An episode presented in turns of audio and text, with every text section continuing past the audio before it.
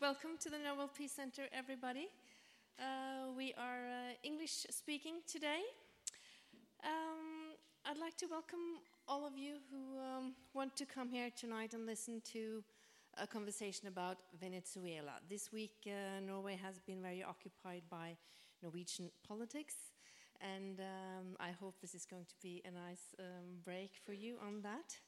Um, we have some guests here today who have um, traveled pretty far, uh, and a very special welcome to Professor uh, Edgardo. He has come all the way from uh, Venezuela to be with us uh, tonight. That is very special. Uh, and a big thanks to the Norwegian Latin America Research uh, Network, the NorLARNet, who is behind tonight's program. Uh, they are sort of our favorite guests this week because they were here only two days ago to present a report on Guatemala. So we have a sort of a Latin American week uh, at the Nobel Peace Center this week. And then we were so lucky to have um, Peace Prize, Peace Prize uh, laureate Rigoberta Menchú here. And uh, she stood on this uh, stage and she said that um, 21 years ago, uh, when the peace agreement was signed, we only started our path and we're still struggling to live uh, in peace. And you know that uh, last year uh, Colombia won uh, the Nobel Peace Prize, and upstairs on the second floor here we have the exhibition Hope Over Fear about Colombia. And I was thinking that the title of that exhibition could be a starting point for tonight's discussion because uh, in Venezuela, um, I think right now there is a fear uh, of a further escalation of the conflict. But uh, is there still a hope for a peaceful solution? That is what we're asking tonight.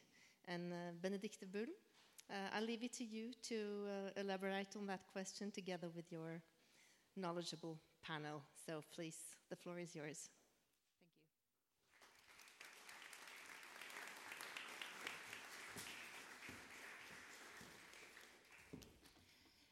Well, thank you very much to the Nobel Peace Center for hosting us for the second time this week uh, and for eagerly uh, opening this wonderful place to this discussion. All of you that are here have heard a lot of news about Venezuela this summer for many months. It's dramatic news that are coming out. And at the NorLARNet, we saw it as our task to bring some sense to this. How can we understand this? And are there solutions? And more specifically, we wanted to open to open the debate a little bit because here in Norway, as in many places in the world, it tends to be a very polarized debate. There is uh, very little room for constructive solutions to a deep crisis, a political crisis, economic crisis, it's a humanitarian crisis. And uh, there aren't that many people in the world that can speak about this in a, in a thorough way without furthering the conflict and polarization. But Edgardo Lander is one of those few. Uh, we only have an hour today, that's very little time. So I'm not going to spend a lot of time uh, introducing my excellent panelists. I'm just going to say that Edgardo Lander is one of the really the big names within Latin America's social sciences that work on uh, decolonial, uh, I'm gonna, not going to say that word. uh, uh, decolonization, uh, and uh, social movements, and he's written some of the most interesting pieces on on the Chavismo, the social, the Bolivarian revolution, and the Chavism in Venezuela. He is a professor of sociology from the Central University of Caracas in Venezuela, but also a researcher at the Transnational Institute in the Netherlands. I also have with me Iselin Åsedotter Strønen, who is an associate professor of uh, anthropology at the University of Bergen and also a researcher at the Christian Michelsen Institute in Bergen. And I'm also not going to say much more about you, but I'm going to make a little bit of propaganda for your last book, which is Grassroots Politics and Oil Culture in Venezuela, the Revolutionary Petrostate, based on interesting uh, uh, ethnographic uh, fieldwork in different communities in Caracas. It's in English and it's open access, better than everything. I have with me, on the other hand, uh, Alfredo Zamudio. He is the director of the Nansen Peace Center at Lillehammer. He's previously been the director of the Norwegian uh, Refugee Council's International Displaced Monitoring Center and has an incredibly long and interesting CV. And I'm just going to summarize it that he's been working for 15, 20 years with different emerging crisis situations, but also trying to create dialogue in those situations. Um, and I have with me Leiv Marsteintredet. Uh, most of you that have followed the news on Venezuela lately, you've probably heard the comments of Leiv Marsteintredet uh, in some uh, radio or TV program. He is an associate professor of comparative politics at the University of Bergen. He still has a slight tiny position at the University of Oslo, or not? No, not anymore. Overdone. He is a specialist in in political crisis in Latin America, uh, worked on presidential breakdowns and on the very interesting figures of vice presidency. Unfortunately, I'm not going to, he's not going to have time to talk about that today, but I'm also going to make some propaganda for some of his publications that are highly relevant. The book Presidential Breakdown Downs in Latin America Causes and Outcomes of Exec Executive Instability in Developing Democracies. So we have an excellent panel, and we have very little time, and that's why you're here. I'm already speeding up speaking. But uh, I'm going to start by giving Edgardo Lander the uh, chance to uh, give us an analysis of the current situation, very brief. We had a wonderful lecture at the University of Oslo where we went more in depth in that, but on sort of possible possible ways out of this uh, this crisis and possible solutions. That's your uh, task for 15 minutes, please. Let me know when I have over two minutes or something. oh, good evening. Very happy to be here. Thanks again for the invitation. Um, the current crisis in Venezuela is not a new crisis. It's part of the terminal crisis of the oil rentier model that's characterized Venezuelan society and the state and the economy for about a century now. The terminal crisis became obvious at the beginning of the 80s, the last century, and the last 20 years of the last century were a period of deep economic crisis, increasing poverty and inequality, and a huge level of illegitimacy of the political system.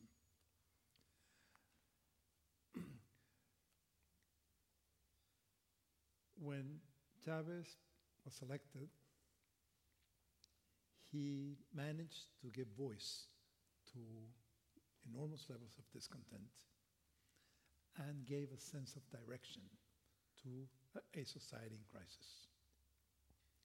Shortly afterwards, oil prices started to rise. They just went up and up and up and up. And at the same time, since Chavez had called for a constituent assembly, this assembly was carried out through a process of widespread debate, and it was finally approved with a high level of support. So it's highly legitimate. So we had the situation in which we had a charismatic leader with high levels of legitimacy and a capacity to give sense and direction to the country. He was a great pedagogue in terms of being able to talk to people about oil and um, geopolitics and food and, I mean, really widespread of issues. The oil income allowed him to carry out social policies that it really had an impact on people's lives. This same income allowed for very significant programs of solidarity and cooperation with other Latin American countries and the promotion of Latin American organizations like UNASUR and ALBA, later CELAC, etc. And it seemed like the crisis, this terminal crisis, was over as this process advanced. However, in 2013 14, the two main pillars of this process, which were Chavez's leadership capacity and who gave a sense of direction to the society, and oil prices that allowed for all the social programs and all these possibilities of advancing the transformation of cultural and political transformation, not so much economically, uh, at the same time. And so we're back to the terminal crisis of the oil rentier model. So I would argue basically that this is not just a crisis of this short cycle of Chavismo, but it's just going back to this terminal crisis, which means that coming out of the crisis is not just a solution of the current confrontations at the political level, but it has to do with dealing with this deep structural crisis, which is the terminal crisis that has characterized of what has characterized the country for a century. And this is a much more complicated issue. As it is, Venezuela society, as you all know, is deeply divided. There is a deep, deep economic crisis, and all the social indicators are going back, resting to pre-Chavez years. Today, something like 54% of children are undernourished. There is a huge increase in mortality rates at different levels. This has spiked over the last three years as a consequence of the crisis. There's levels of scarcity and inflation and personal insecurity that make life miserable for most of the Venezuelan population. At least 2 million Venezuelans have left the country over the last three years. This is an unofficial figure because it's impossible to get official data on, that, on this. So we are in a deep crisis that's characterized on the political level by violence, by confrontation, by many people being killed in mass mobilizations, with responsibility on both sides, and a social crisis, a humanitarian crisis that's getting deeper and deeper. The average weight of Venezuelans has dropped by something like six kilos over the last three years. I mean, there are probably not many experiences in the world where something like this has happened except in a war situation. So the need for some way of dealing with this confrontation in, in such a way that doesn't lead to what seem to be today the only possible options, which would be or a continued authoritarian tendency by the Maduro government that would completely close any possibility of democracy and any possibility of negotiation or dialogue in Venezuelan society. That's one possibility. Another possibility is that the present discontent with, within the armed forces comes to fore, not at the higher levels, but the medium levels. And there's a coup and obviously, in Latin America, we know what a military coup means, no matter what its discourse. I mean, it may come out as a democratic discourse in defense of the Constitution, etc., but to have the armed forces as the arbiter who to decide on the future of the country obviously has consequences. We know about that. And even more scary is the possibility of a civil war and we can't discard any of these options as a possibility. So the need for some sort of negotiation, from some sort of dialogue that avoids any of these alternatives is absolutely critical and it's urgent. It's not something that can be thought in terms of maybe a year or two years from now, no, because the country's about to explode. And what sort of explosion would it be? Will it be an explosion towards a civil war? Will it be an explosion in which the government will just impose its will and repress popular protest? I mean, what, what are the alternatives when there's no dialogue? There have been attempts at, uh, at dialogues with the participation of the ex-presidents of Panama, Dominican Republic, and Rodriguez uh, in, from ex-president of Spain. Uh, the Pope personally became involved and named a personal emissary to participate in the negotiations. And it was very difficult for several reasons, and I'd say mainly three. The fact that Venezuelan society is so extremely polarized, but that's, I mean, that's a common case for any process of negotiation. That's a starting point. I mean, you have to assume that. The second is the fact that it's such an unbalanced process of negotiation because the government has all the instruments and all the possibilities in its hand, and the opposition has very little to offer. And that makes it, this unevenness of the process makes it very difficult. At the end of last year, the beginning of this year, there was an attempt of negotiation, and the only thing that the opposition had to offer was the possibility of demobilizing its backing, which was massively out in the streets. And to start the negotiations, the Pope, the emissary of the Pope, asked the opposition to demobilize its people as a condition for the possibility of, of participating in the negotiations. But there was nothing else the opposition could offer. The government, on the, on the other hand, could offer to call for free elections, or could offer to respect the constitution, or could, or to put out the political prisoners out of, out of prison. I mean, there were a whole, whole range of things. So there were certain agreements. None of them were really carried out by the government. So this led to a political crisis within the opposition because they had sort of given everything they had, which was their capacity to lead and to mobilize, and their bases were deeply upset, and it seemed like a terminal crisis. I mean, I'm exaggerating, but it seemed like a real crisis for the position, and they only managed to recover in the process of the street mobilizations uh, in the months of basically March, June, July this year. As it is right now, we have a new process of negotiation in which Rodriguez Zapatero is again insisting on this process. He has been traveling back and forth between Madrid and Caracas, and now there's new negotiations going on in the Dominican Republic. In these negotiations, there's several problems that have to be faced.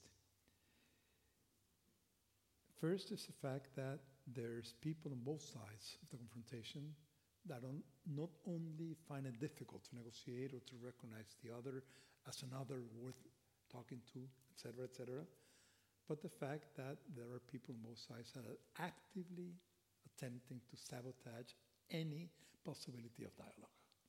Every time there's an attempt to dialogue, people come out publicly denouncing the dialogue as treason. And this obviously has an impact. And it makes it extremely difficult, especially when the dialogue is no longer a secret dialogue, but when it, it becomes public. It becomes public. Recently, there have been announcements by some of the leaders of the opposition denouncing this dialogue and saying that it's treason and you can't really trust this government, this is a dictatorship, etc., etc. That makes it extremely difficult. On the other hand, the fact that this dialogue is a dialogue between the head of the government and the PSUV, the government party, and the MUD on the other side, means that the content of the dialogue is overdetermined by their visions. And there's a whole range of critical issues that are not part of the dialogue. So we have urgent issues in Venezuela, say the conditions of the indigenous population with this project, uh, not only project, but this announcement, and the, which is being carried out, carried out of the Orinoco Mining Arch, which is opening up 12% of the Venezuelan territory for open pit mining, which is probably the biggest sort of continuous territory open for mining in the whole of the continent. And this has enormous environmental impact, and it's really genocidal for the indi- indigenous population who live here.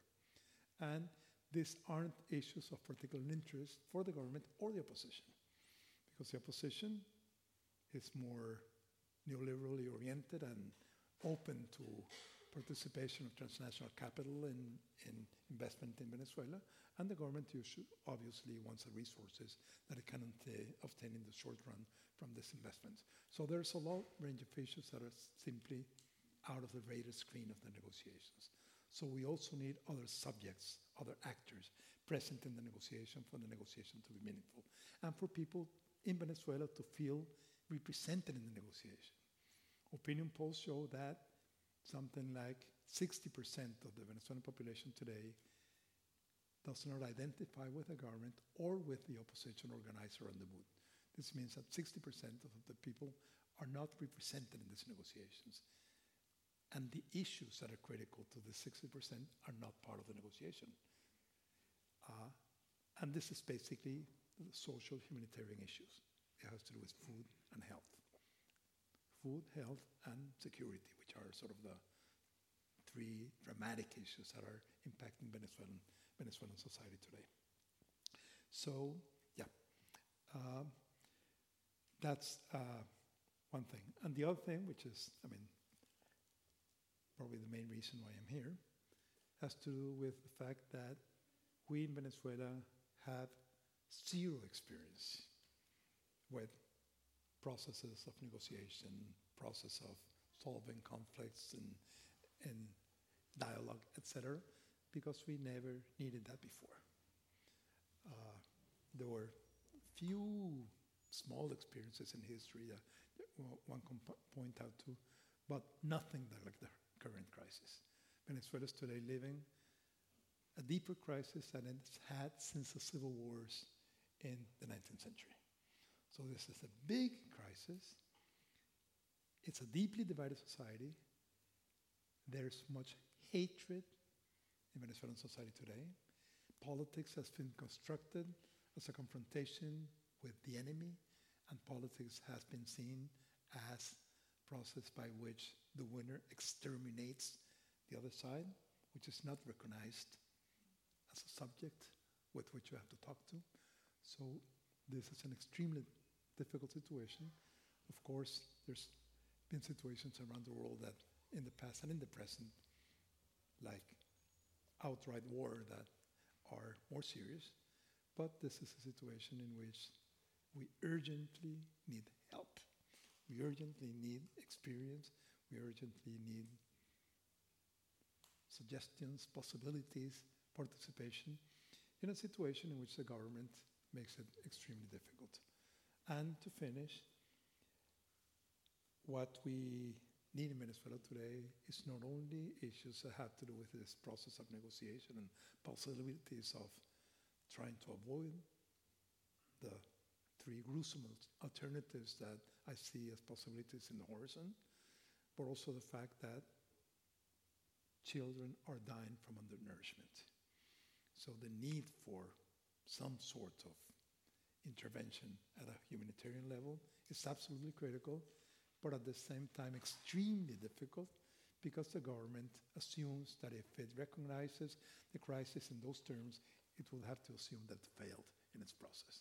And so it's blocking every possibility, even by organizations like Caritas and the, the Catholic Church Charity, offering free medicines, and that has been blocked because it's seen as humanitarian intervention, and humanitarian intervention is seen as the first step for further levels of intervention. So I'm here to learn more than to describe the crisis. Thank you.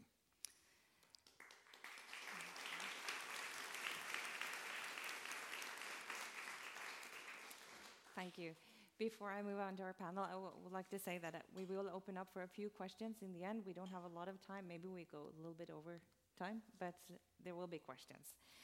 Um, I would like to start with you, Leiv. Uh, you have studied a lot of uh, political crises.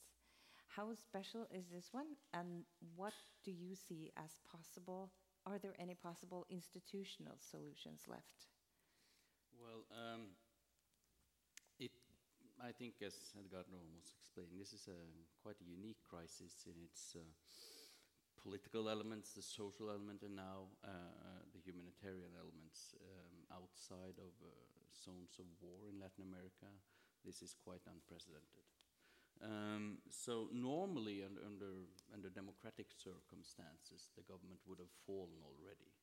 There was a perfect storm in a sense. There were uh, scandals involving the government, uh, documented corruption, uh, mobilization in the streets. Uh, the opposition won two thirds majority in the parliament.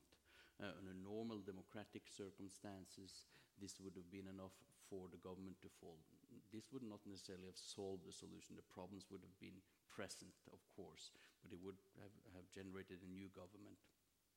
Um, but of course, uh, um, current Venezuelan government responded to um, the relatively democratic initiatives of the opposition of demanding a, a, a referendum uh, with increasing authoritarianism and close those channels and, and the result as we've seen is, is more violence in the streets from, from both sides as, as Edgardo has, has uh, depicted.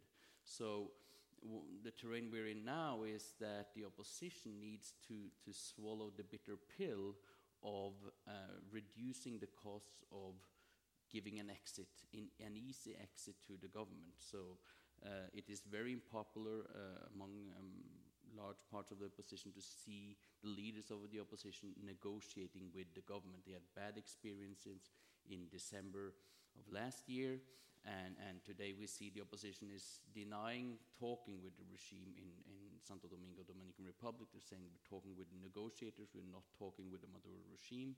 This is unpopular. Um, but they need to reduce the cost in terms of, um, for instance, providing amnesty for, for uh, the leaders of, of, the Maduro regime. Uh, they can, could provide, um, of course, the, the, the, regime would maybe be interested in maintaining some sort of power, institutional power, be that more military autonomy.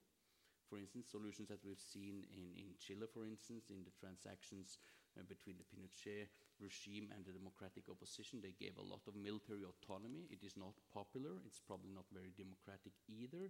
But this is a way that uh, the, the, office holders of today can feel more secure about their future. Uh, and of course, securing their income. And therein lies the, the also the special uh, level of, of, crisis in Venezuela, uh, because the military is provided, they have a lot of companies in Venezuela that, that gives the military a lot of income. These are legal companies, and these have increased ov over the time. This is nothing new. This started uh, uh, with the previous regime from 58 and forward.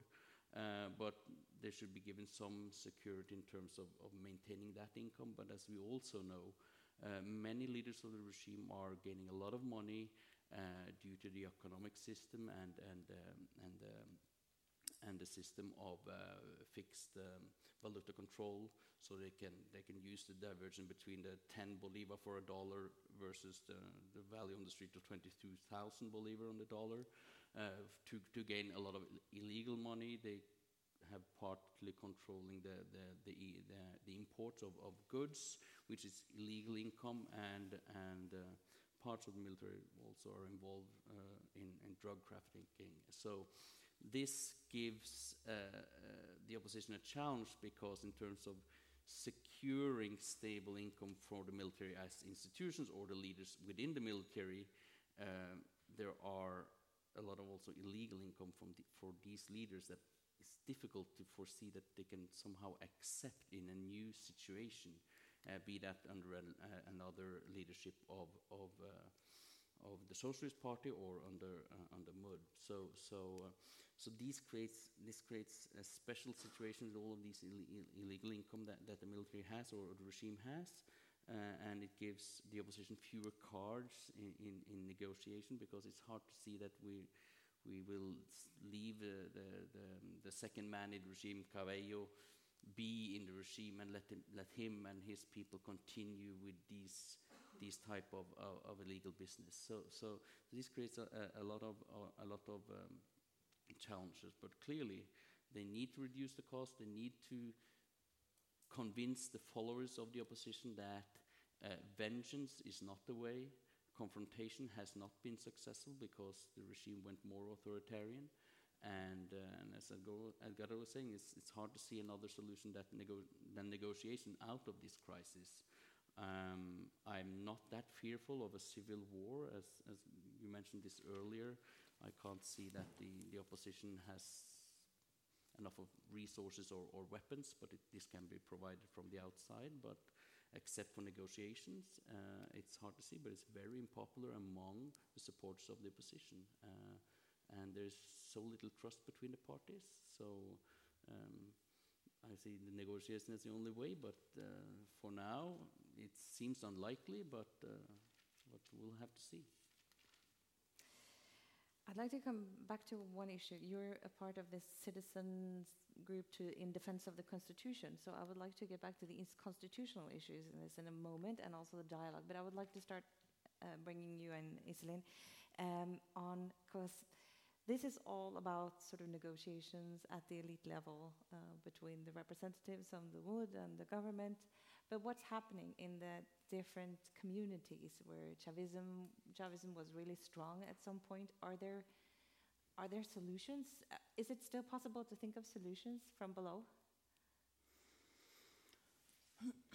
Let me just start by saying that um, I completely endorse your start that we have to kind of view the current crisis as a structural crisis with deep historical roots. And that that issue and kind of the basic tenets of development of Venezuelan society as a rentier state and as a deeply divided society, those issues has to be kept in mind all the time when we think of ever the possibility of having a, a better, uh, a, a happy solution out of this. And the, the, the question that you're addressing now is how, what about the popular sectors in this scenario? Because at the moment, these are not very visible in kind of media reports, or, or the focus is not on what is happening on the ground politically. And I think to a large extent, kind of the, the big political mobilization that took place on the, the Chavez years has waned for many, many reasons because of the, the less interaction, the less space for political participation in, in, uh, in PSUV, in the government that was kind of closed off after the Maduro government took power. And also because of mobilization fatigue, and of course, more than anything else, because of the humanitarian crisis and because of the everyday struggle that people who used to be extremely politically active, who used to mobilize both politically and socially, they now don't have time or energy to, to, do, to work on that political level as they had. But that does not mean that kind of we, ha we have to recognize that there are certain basic leg uh, it's a, a, certain basic legacy that Chavez left in the population. And then when thinking of a future outcome, that that legacy also have to be kept in mind. And what I then refer to is that before, um, before Chavez came to power, the popular sectors, the poor sectors, were extremely marginalized in Venezuelan society. I mean, they had no voice, they had no representation, they were, they were quite repressed politically and kind of by the state forces. And that, with Chavez, that a space was opened up where they also had a possibility and they also had a voice and they also had a sense of political agency and a sense that even though there was a lot of conflicts, a lot of contradiction in the dynamics between the government and the state and the popular sectors, there was a certain space for negotiation and where they could be recognized as legitimate political actors.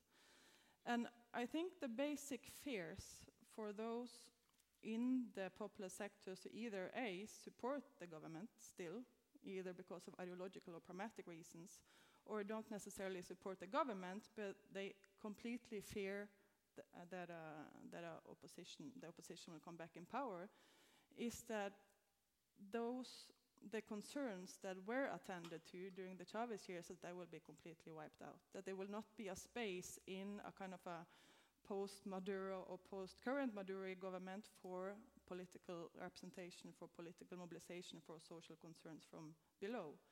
So I think that if any kind of happy outcome, on the optimistic side of this, has to include some sort of guarantee that social gains will be preserved. The fear is that if, if, the, if the opposition regains power, because they have a different class profile, a different kind of interest profile, a different ideological profile, that the social gains will be wiped out.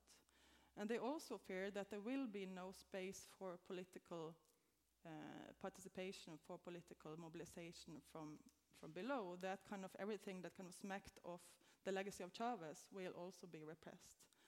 And also, and those concerns has to be has to be addressed because then again we go back to what the divisions in Venezuelan society they have to be overcome in one way or the other. If, uh, if not, there won't be. Uh, I mean, a social contract has to be negotiated, and of course that is a that's an incredibly difficult task. But I think that if not, the cycle of violence, the cycle of distrust, the cycle of political conflict will only be reproduced. And at the moment, I, I don't know. I mean, the, at the institutional level, how to get the, the parties, kind of the civil society parties, how they can, can unite. Perhaps that would be, have to be a crucial part in kind of the ideal outcomes of a negotiated solution, because, like has been pointed out before, the social distrust, the social conflict, it's so deep so if you don't address that kind of on a societal level as well, there won't be any. it will only reproduce itself.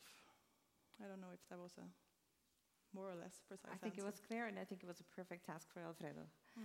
because those how to um, how to start a dialogue in a situation with that kind of deep uh, lack of confidence as you have in Venezuela at all levels high political levels, at the community levels. Do we have any positive experiences for that from elsewhere? Yes. there are experiences. And uh, that telling you from the humanitarian experience that I have had uh, the pleasure to work in Colombia, in Darfur, in the Balkans during the war, in East Timor, everywhere there are people who would like to do the right thing. Even the bad boys or the bad girls with guns. Everywhere you will find humanity. The question is do you recognize it? And how do you create trust? So there, you know, there, are many, many things here, and I, you know, the conversation here is about the political solutions. But the professor's question or invitation to us in the beginning was how do we create a humanitarian dialogue, which is a difficult, it's a different one. Because when you have a big political crisis, a war can last for decades, you know, like in, in Darfur. Uh, started in 2004, it's still going on, but on a daily basis, humanitarian actors are negotiating at a macro level and at a micro level can you please allow me to do this for your people? And one of the crucial things, the change, the changing point, the turning point in that conversation is when the authority or the people with the guns recognize that this is not changing the power balance. If they do that, if they recognize that it's not a danger for them, actually, the mother in law may benefit of having a clinic in the village or the, the kids that they know will have a little job over there. So they will benefit from that indirectly, socially, politically. From a humanitarian point of view, you should not care about that. If someone of the armed people are going to benefit politically from humanitarian action, because your point is to save lives. That is the optimal. That is the optimal thing you need to do in humanitarian action. So dialogue at that level is possible and it's done in many, many crises, even with ISIS, even with Boko Haram. You will not hear about all the micro level conversations that are done daily, but they talk to the armed people. The ICRC knows a lot about how to do it, but are other people like colleagues in, you know, in um, Doctors Without Borders, Médecins du Monde. There are many good negotiations at like local level. The challenge is to find that person who will, write, who would like to do the right thing. Find that, follow that, stalk them, and, and, and, and don't give up. It's difficult. because you really need to that, that conversation about humanitarian access, which requires a specific language and is not the language of political negotiation. It's a different one. So that is very, very important that we have clear. Then is the other one, which is, you know, how do you start talking about the future?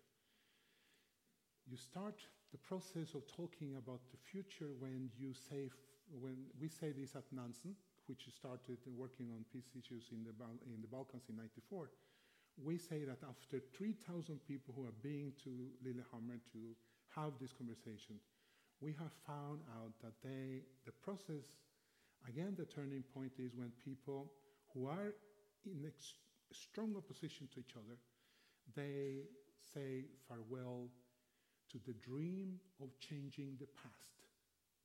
When people give up on changing the past, then the process of thinking of tomorrow starts.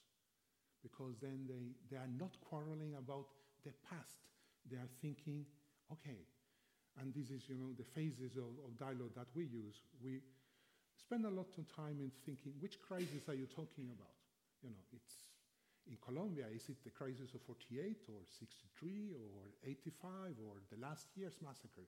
Which crisis are you talking about? That takes time. The second step is, did that crisis did something to me, to my community? That also takes time.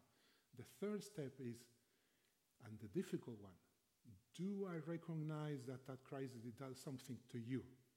And that is takes years to recognize the other. The fourth one, okay, so we agree on that. What did it do to us? And the fifth one, if they agree on going forward in the conversation, is what do we do now?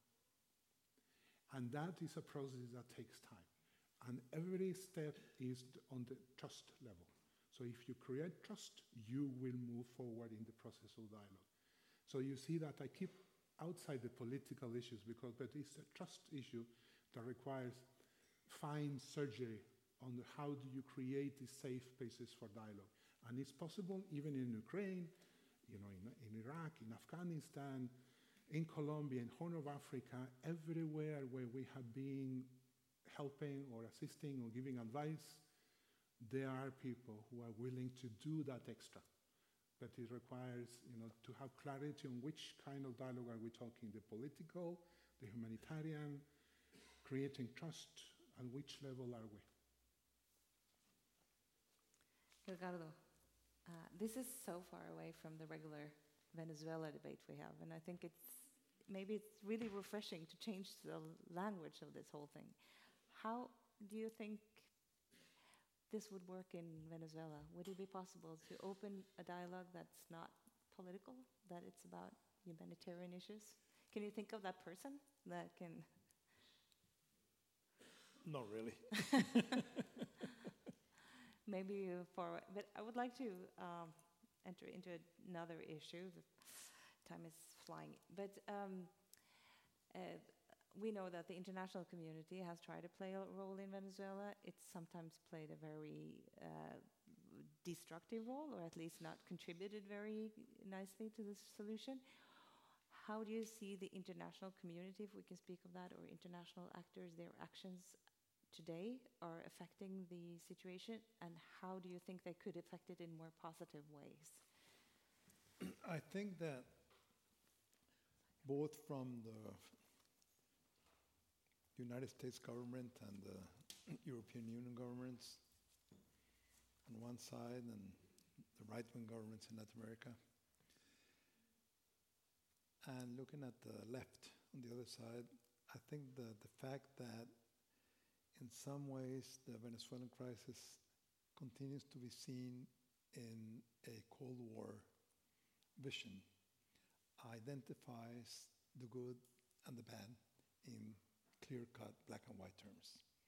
The fact that the, there's so much, uh, there's such a strong opposition to the Venezuelan government by right wing governments and the governments of Latin America in general now, nowadays. Uh, has to do with some of the things that you were saying, that to the extent that Venezuela was the most radical attempt at social transformation in this century in the world. And it became a huge reference for many, many people. I've met people from India, from Palestine, from different places where they have pictures of Chavez in there. um, this is something that really impacted me. And so Venezuela has become a very polarizing issue, not only in Venezuela, but outside of Venezuela. And it's clear that for right wing governments, for the United States, for the government of Rajoy in Spain or whatever, I mean, that their position would be to support the opposition no matter what, even if this leads to civil war. Uh, but I think there's also a great responsibility in the left. I think the fact that there's so much unconditional solidarity in leftist organizations and movements and parties across the world, especially, of course, in Latin America, which is where the impact is more important, leads to a situation where the government feels legitimized no matter what it does. Because there's always part of the international left that says, wonderful, that's a new anti imperialist act, no matter what they do. And this has serious consequences.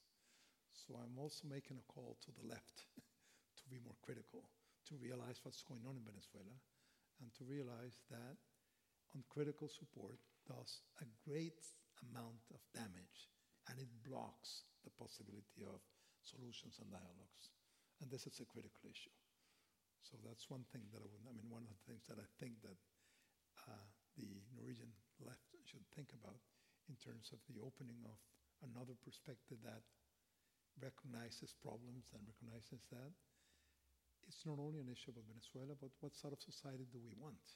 I mean, if we're struggling for a post-capitalist society, a society that overcomes patriarchy, overcomes racism, overcomes this uh, destruction of the conditions that make life possible, etc., in this logic of unlimited growth, etc., this certainly is not an example of that.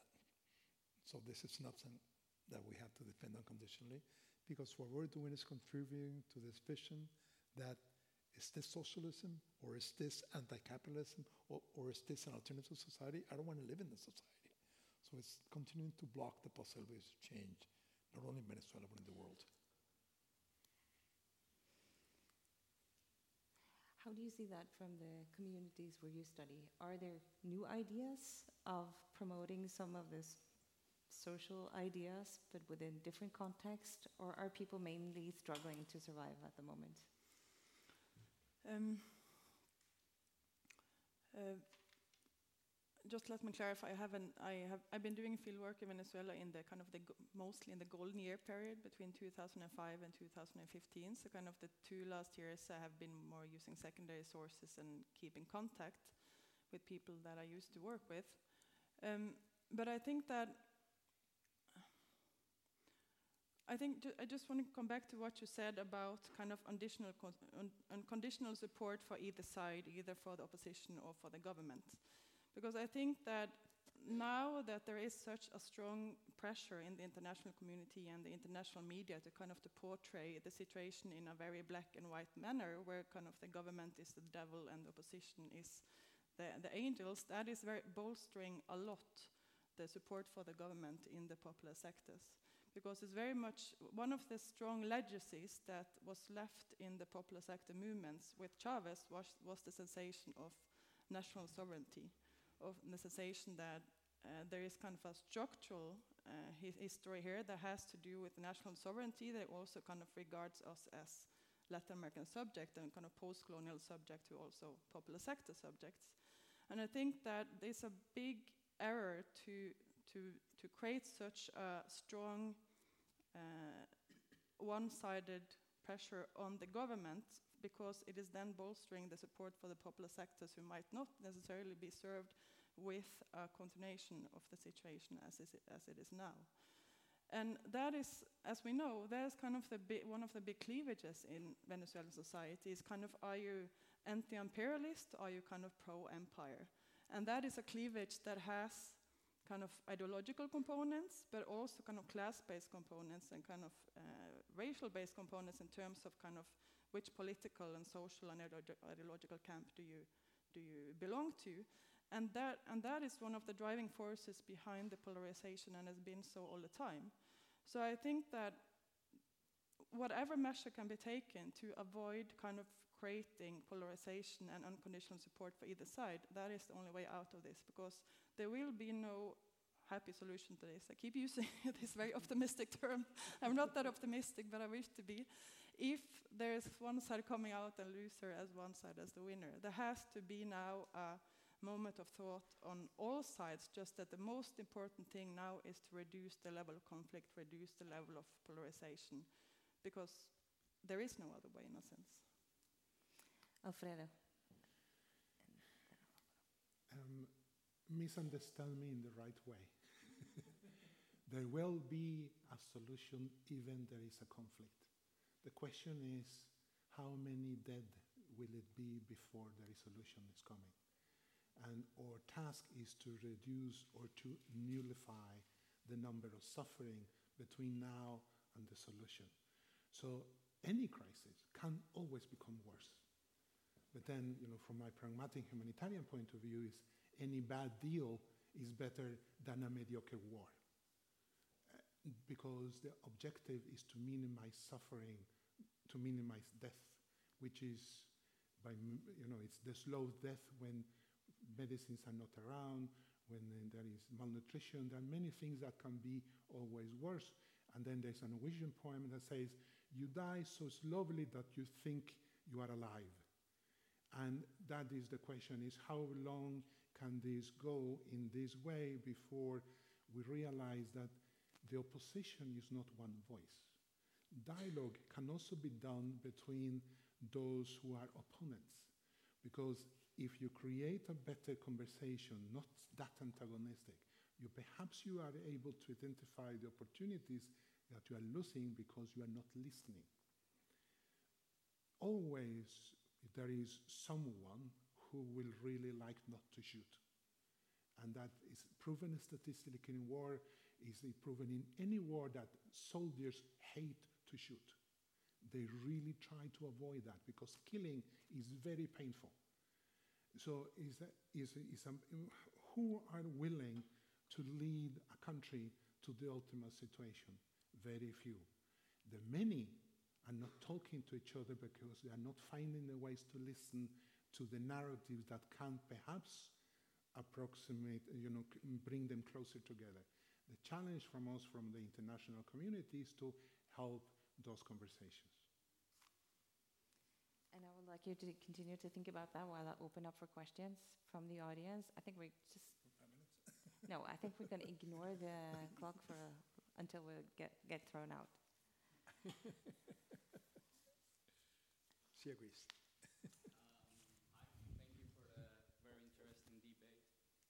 Um, I'm very happy to hear that 60% or more than our population uh, doesn't identify with left or right because I think they have disappointed in so many ways in the last year be able to lead our country to a ideal solution out of this crisis. So, and the last events of the last years make me skeptical about a humanitarian solution coming up soon. So I wanted to um, redirect uh, just about this question, the dialogue, to a more political point of view. What do you think? Um, let's say these regional elections are coming up uh, the next month, and let's say the opposition wins by a significant majority, and it is recognized, and doesn't happen as the case with the um, with the parliament. Um, do you think this will could be a turning point uh, for Maduro to realize he has lost completely the game. Do you think that will encourage him to actually use more repression and uh, authoritarianism in this, uh, in this regime? And if, and if the case is the first one, that the government uh, falls at some point, who can actually represent us on the next stage? Do you think the MUD is capable of handling such a cri critical moment of the country. And the last point would be where um, intellectuals like yourself, sociologists, political scientists, where are they?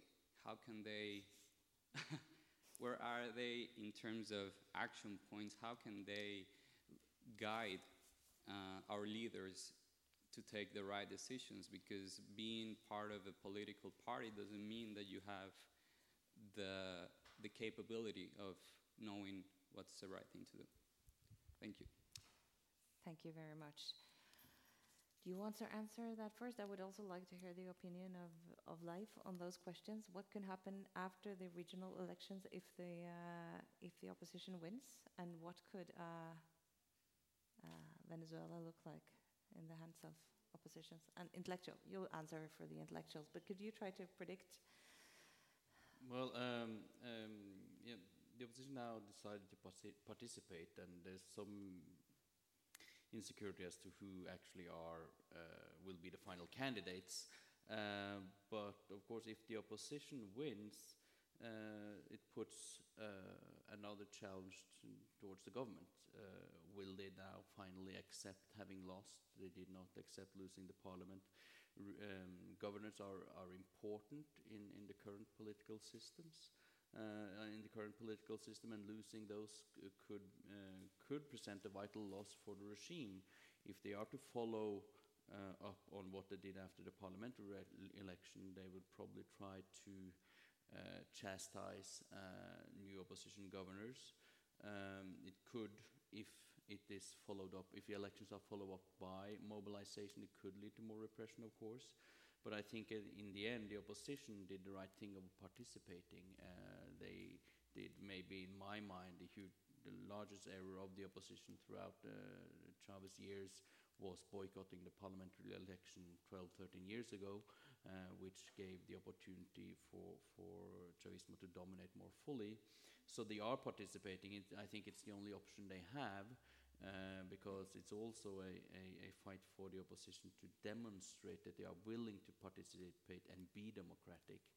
Uh, they have not been uh, earlier, so so it it will provide Maduro with a dilemma. I'm not sure how we will fall down on more repression or or accepting the loss. Uh, but uh, but at least I, I, I see it as a positive sign that the opposition actually decided to participate at least. Well, there has been uh, governors from other parties during the whole Chavismo period, yes, so and, it and would of be course such a huge. Yes, and of course uh, um, there has also been conflict around these, and and uh, um, we'll just have to wait and see. I'm not sure whether uh, the local, the regional parliaments are up for election. I've read that these are not up for open for election, and and and the point there is, of course, that uh, uh, the, the opposition did tremendously bad in the last regional election in terms of the regional parliaments. So this institution could be used to uh, paralyze any opposition governors through majority control in those parliaments. So there will always be ways of working around any gains for the opposition. And uh, if the, the, the, recent past is any good predictor, uh, I'm, I'm afraid that gaining governorships will not mean gaining power. But I think that any pressure that comes from democratic sources towards the government is a positive uh, factor in terms of providing um, incentives for a change at least. I would like to you, you to respond as well, but I would like to add a question that I have a hard time understanding because now uh, Venezuela is in this kind of constitutional limbo. It's they're in the midst of the constitutional assembly, but so the constitution from 1999 is not really valid anymore. And how can you organize elections when you don't know what the constitutional basis for it is? Just a question of clarification. I have a very simple answer to that. There's no limbo. The Constitution, the 1999 Constitution, is completely there, unless the Constituent Assembly decides otherwise. And that's it. The Constituent Assembly and it hasn't. can decide. It has done a lot of other things, but it hasn't done that. No, no, it has. All right. It's, I mean, the 1999 Constitution is the Venezuelan Constitution today. But the Constituent Assembly is a supra-constitutional assembly with absolute power. They can decide anything within the Constitution or outside the Constitution. So there's no rules because they can be changed from one day to another. No rules whatsoever. There's no longer rules. Uh, in terms of the issue of the elections, I think it's very important that the opposition and some left wing organizations are participating because any opening for expression of opinion and the possibility of showing that the majority of the population today is not back in the government is extremely important. In terms of power distribution, the impact is nil. Why? First, we have no guarantee whatsoever that the candidates selected by the primaries will be the candidates that will be able to participate. Diosdado Cabello, probably the most powerful man in Venezuelan um, government today, has repeatedly said that candidates need a certificate of, of good behavior by the assembly. And if they don't like a candidate because they think he's a threat, might decide that he can't be a candidate. And they can do that whenever they want. I mean, it's been announced. It's not, it's not a. Um, on the other hand, it's been the experience over the last years, even with Chavez, not, not only Maduro, that when an opposition candidate wins an election, like the case of Henrique Capriles in the state of Miranda, which is a very important state because it's half of the city of it covers half of the city of Caracas. So politically, it's a very important state. They just created an alternative agency with a lot of power that carried out a good part of the attributions of the governor, with much more financing than the government, than the governor. So they sort of pulled the rug out of it. When the Venezuelan government lost the elections in municipal, the broad municipal election government, and in the case of Caracas, there's five municipalities and a central municipality. Uh, the government immediately changed the law, created a new municipal authority, completely dependent on the president, and withdrew a lot of the attributions and sources of financing from the new municipal um, head of um, the, the, new head of government in, in, the municipality. So they've been doing this all the time. So if they, they can do it again and again. On the other hand, it's hard to predict how the voters of the opposition will react to these elections. People became extremely frustrated and upset.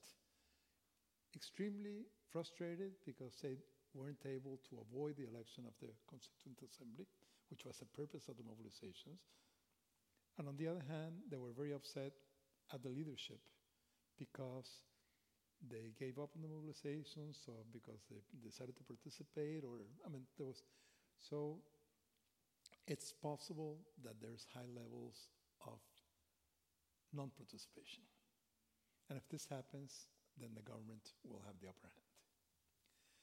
Uh, it will be extremely important in terms of looking for a Venezuelan solution that the government is confronted with the fact that the majority of the population rejects it. But that's already happened. It happened in the, in the parliamentary elections of 2015. And the government just reacted by very repressive mechanisms.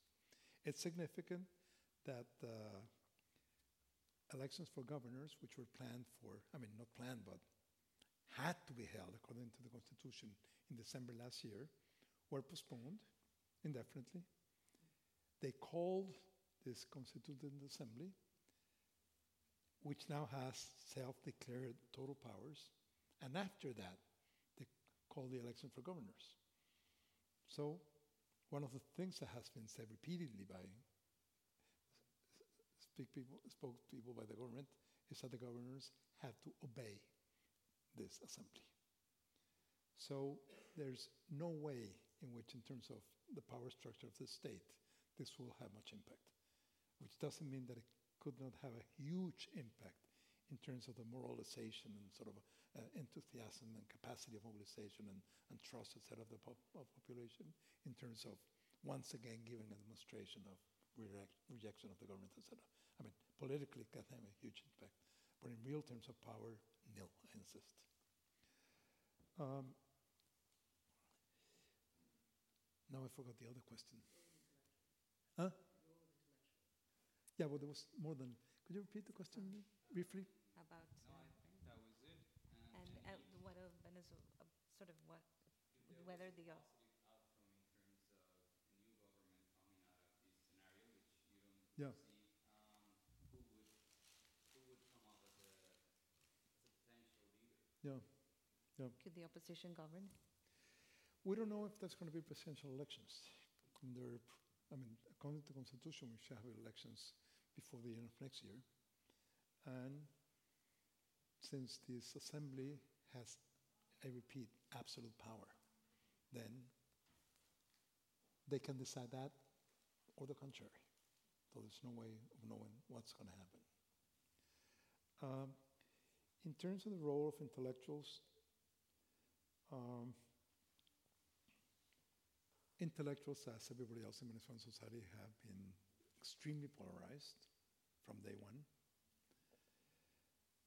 The government has had the backing of some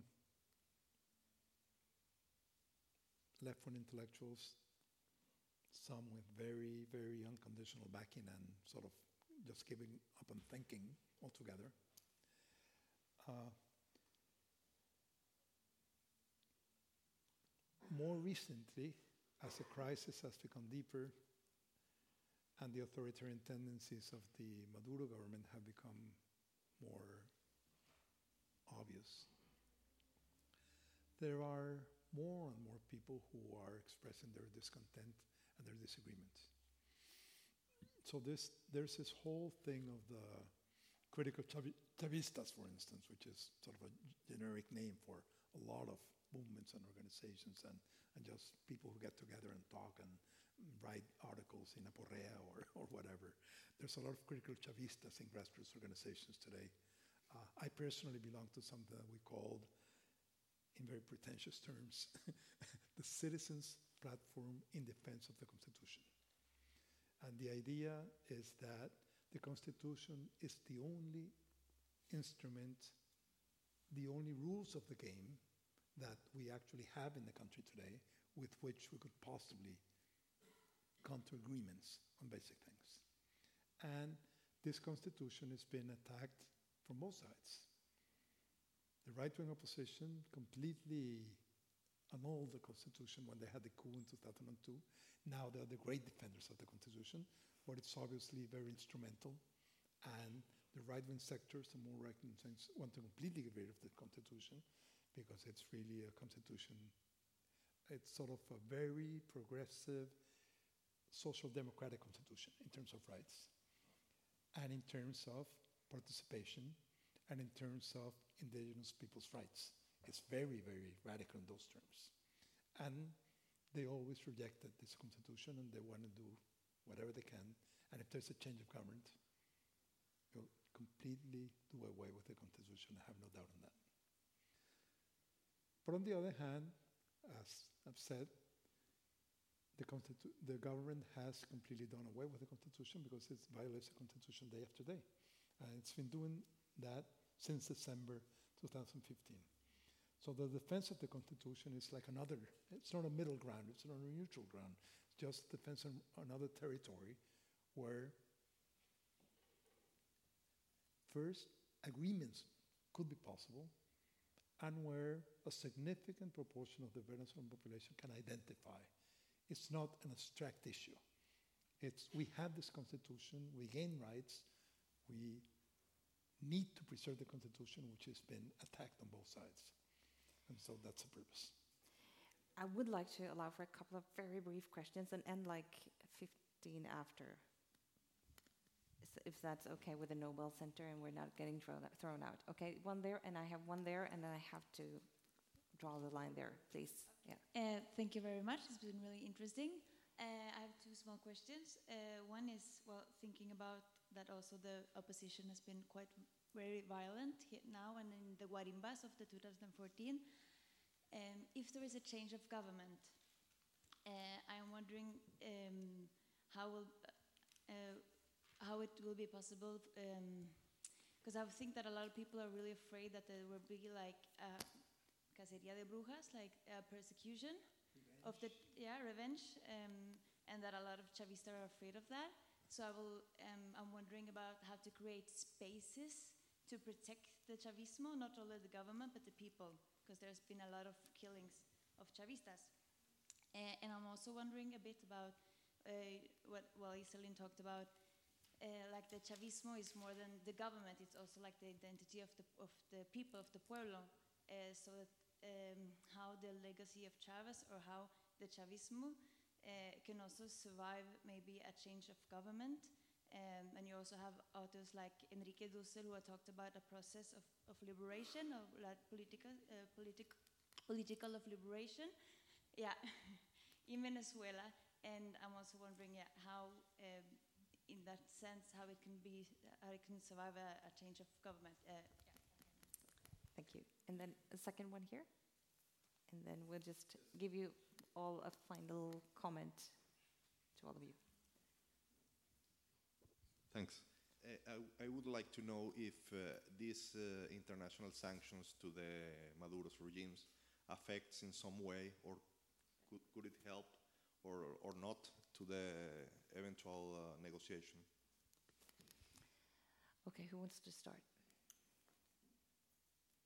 Alfredo, do you want to start? And um, then Yeah, you know, it's brief. very brief. Don't give up. That is the briefest I can say. I have been around for more than 40 years from crisis, from personal crisis to many wars around. Every conflict has a turning point. The question is how far away are we from that turning point in Venezuela?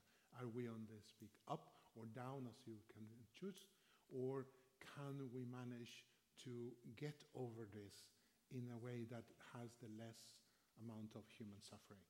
So don't give up on that. You, you, all strategies need to be done to minimize human suffering, and then the perfect solution can wait. But as you say, how do you do the change without uh, witch hunt, or how do you do the change without more killings, or how do you do the change without further waiting for better policies for Venezuela? Thank you. I think I'm going to give Edgardo the last word, so I'm moving on to you. Yeah, um, in, in, in terms of the fear of revenge, of course, uh, this is a big issue that comes back to trust again, right? So, so it doesn't affect only leaders but also followers of of of, uh, of, of uh, different uh, political ideas in Venezuela. And and I, I must say I, I was in a, a meeting in December no December 2015 here in Oslo analyzing recently in the the, the election or parliamentary election, it was quite positive because the opposition had gone far, uh, quite a far stretch of, of downtoning their rhetoric against against regimes and also accept, accepting the the, uh, the constitution, which would be then uh, Chavista legacy in a sense. Um, but but uh, things have, have turned worse, and I think one of the biggest challenges that will be be that with uh, continued uh, government of Maduro today or, or a governmental change would be to try to dampen the polarization in terms of protecting lives, right? Uh, depending on no matter which side you're on. Um, and and one of the issues that, that is hard in negotiation is, is uh, providing security for for uh, for the regime side or for the other side and, and, and, and making each part stick to any agreement that they make of, of protecting people, of giving amnesties or whatever. So with a lack of trust, making agreements stick is, is really, really hard. So I understand the fear that, that you report on, on, on the Chavista side that, that they clearly have, have something to fear, but hopefully the negotiation could touch upon that. And just one brief thing on, on the sanctions. These, these later sanctions from the United States are the first that really hurt economically. Uh, it, it cuts off uh, future uh, future possibilities of loan uh, through the international markets. I think it affects negotiations because we'll see that uh, the government and, and PDVSA is turning towards the euro. France and the European Union is part actually of negotiation going on in the Dominican Republic at the moment. It gives the European Union a, a, bigger role, which of course is a lesser of a devil than the United States is in, in terms of Venezuela. So, so uh, of course, these have uh, sanctions like these will have humanitarian and social consequences, no doubt. But we also have to remember, so, so it puts pressure on the government. And, and Alfredo said uh, turning point, point and how far away. I just want to put up one number. If Venezuela is, is uh, will should be able to keep up with paying down their loans for next year, they have to reduce imports by another 40% from this level and we're already in a humanitarian crisis position. So it has to go down another 40% from now if they want to survive economically without a bankruptcy within the next year. So this is uh, maybe something that is also putting pressure and giving a turning point. Thank you. Brief comment, Iselin? No, I, I, would like to hear your last comment, actually. okay, please, Eduardo. No, Edgardo. Um, and please, a bit brief, although we love to hear your profound insights. I'd like to highlight something that was mentioned, which I think is really very important every time one talks about Venezuela. It's that the Venezuelan Bolivarian process is much more than the Maduro government. And the future of the Maduro government is one thing, a small part of the Bolivarian process, which has been a broad political social process. And one doesn't know how much of that is going to survive if the government falls. If this process continues for longer and people continue suffering, and there is a political defeat this imaginary, this transformative imaginary of the possibility of another Venezuela, if this is defeated, like some people in the right wing want it to be, then maybe the Bolivarian process will disappear along with the government. That isn't necessarily the case. One of the things that the left in Venezuela is trying to do is to sort of make a difference between the two and sort of defend the Venezuelan spirit in the process and the expectations and the rights, etc., of people as something separate from the government. That you can defend the struggles, can defend the Constitution and separate that from the government and say that the government is no longer representative of this process, which doesn't mean uncritical acceptance of everything Chavez did or of the Constitution itself. I personally think that the Constitution has to be changed eventually because it is a constitution of an oil rentier state. And that's sort of the basis of everything else. That has to be changed. But right now, instrumentally, we need to defend the Constitution. And the spirit of transformation of the Chavista process is very important. That's why so many people call themselves critical Chavistas, because they want to reclaim the name of Chavista against Maduro. And that's sort of a wedge that's, that's part of the debate in, in, Venezuela, in Venezuela today. Um, I personally think that the sanctions are no help whatsoever for the negotiations. They might precipitate the negotiations in terms of just the situation become so critical that maybe the government has to do something and have to negotiate. But it's not a contribution to the negotiations in the sense that so far, well, it can have a huge negative impact on first the possibility of paying the, the debt and the huge consequences of default and not being able to have the imports when things are as critical as they are right now.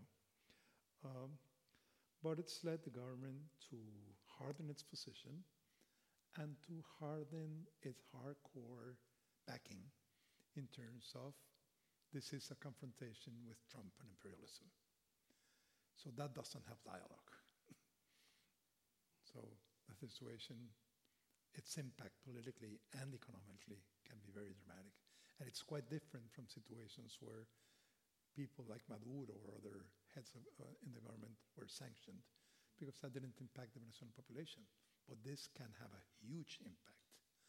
The government is already in a situation where its foreign reserves are not enough to pay the debt that is due in the coming months. And so it's been playing like a Russian roulette or, or a Ponzi game in which it borrows money just to pay back, it borrows money to pay back, and at the same time, it spends less and less and less on cru- crucial imports. And this can't be sustained for long. And this is another step in this process. That's, I mean, the crisis in th- that term.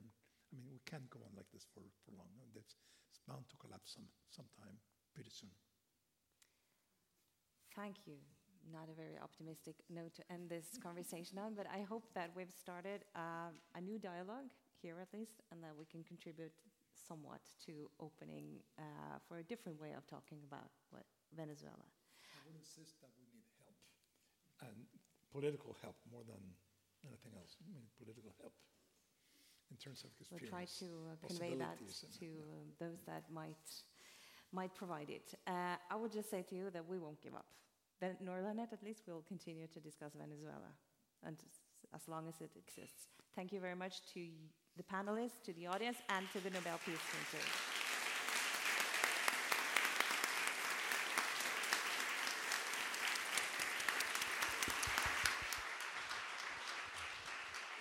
And thank you, uh, for leading us uh, through this uh, evening. Um, although I'm not sure we found a solution tonight, but you all deserve uh, a Nobel Prize in, in chocolate for doing a very good try and for keeping on uh, the good work. And um, the rest of you, uh, you will get a big thank you for coming and a welcome back uh, tomorrow because, uh, as you've probably seen, uh, the Buddha behind here, uh, who's been watching us all the time, he is part of, um, of a new exhibition called Shifting Boundaries, and we're opening that tomorrow night on Oslo Culture Evening. We have a free entrance from six o'clock, and um, many of the photographers behind this exhibition will be here to uh, talk to the audience about their works. Uh, so from six o'clock tomorrow, that is. And in uh, in a week, on Thursday, same time, six o'clock, we will have a new conversation with um, Karman, the Nobel Peace Prize laureate of 2011. Uh, she's actually coming uh, to Norway, uh, and we have the big opportunity to, to meet her. So please uh, come back. And thank you for tonight.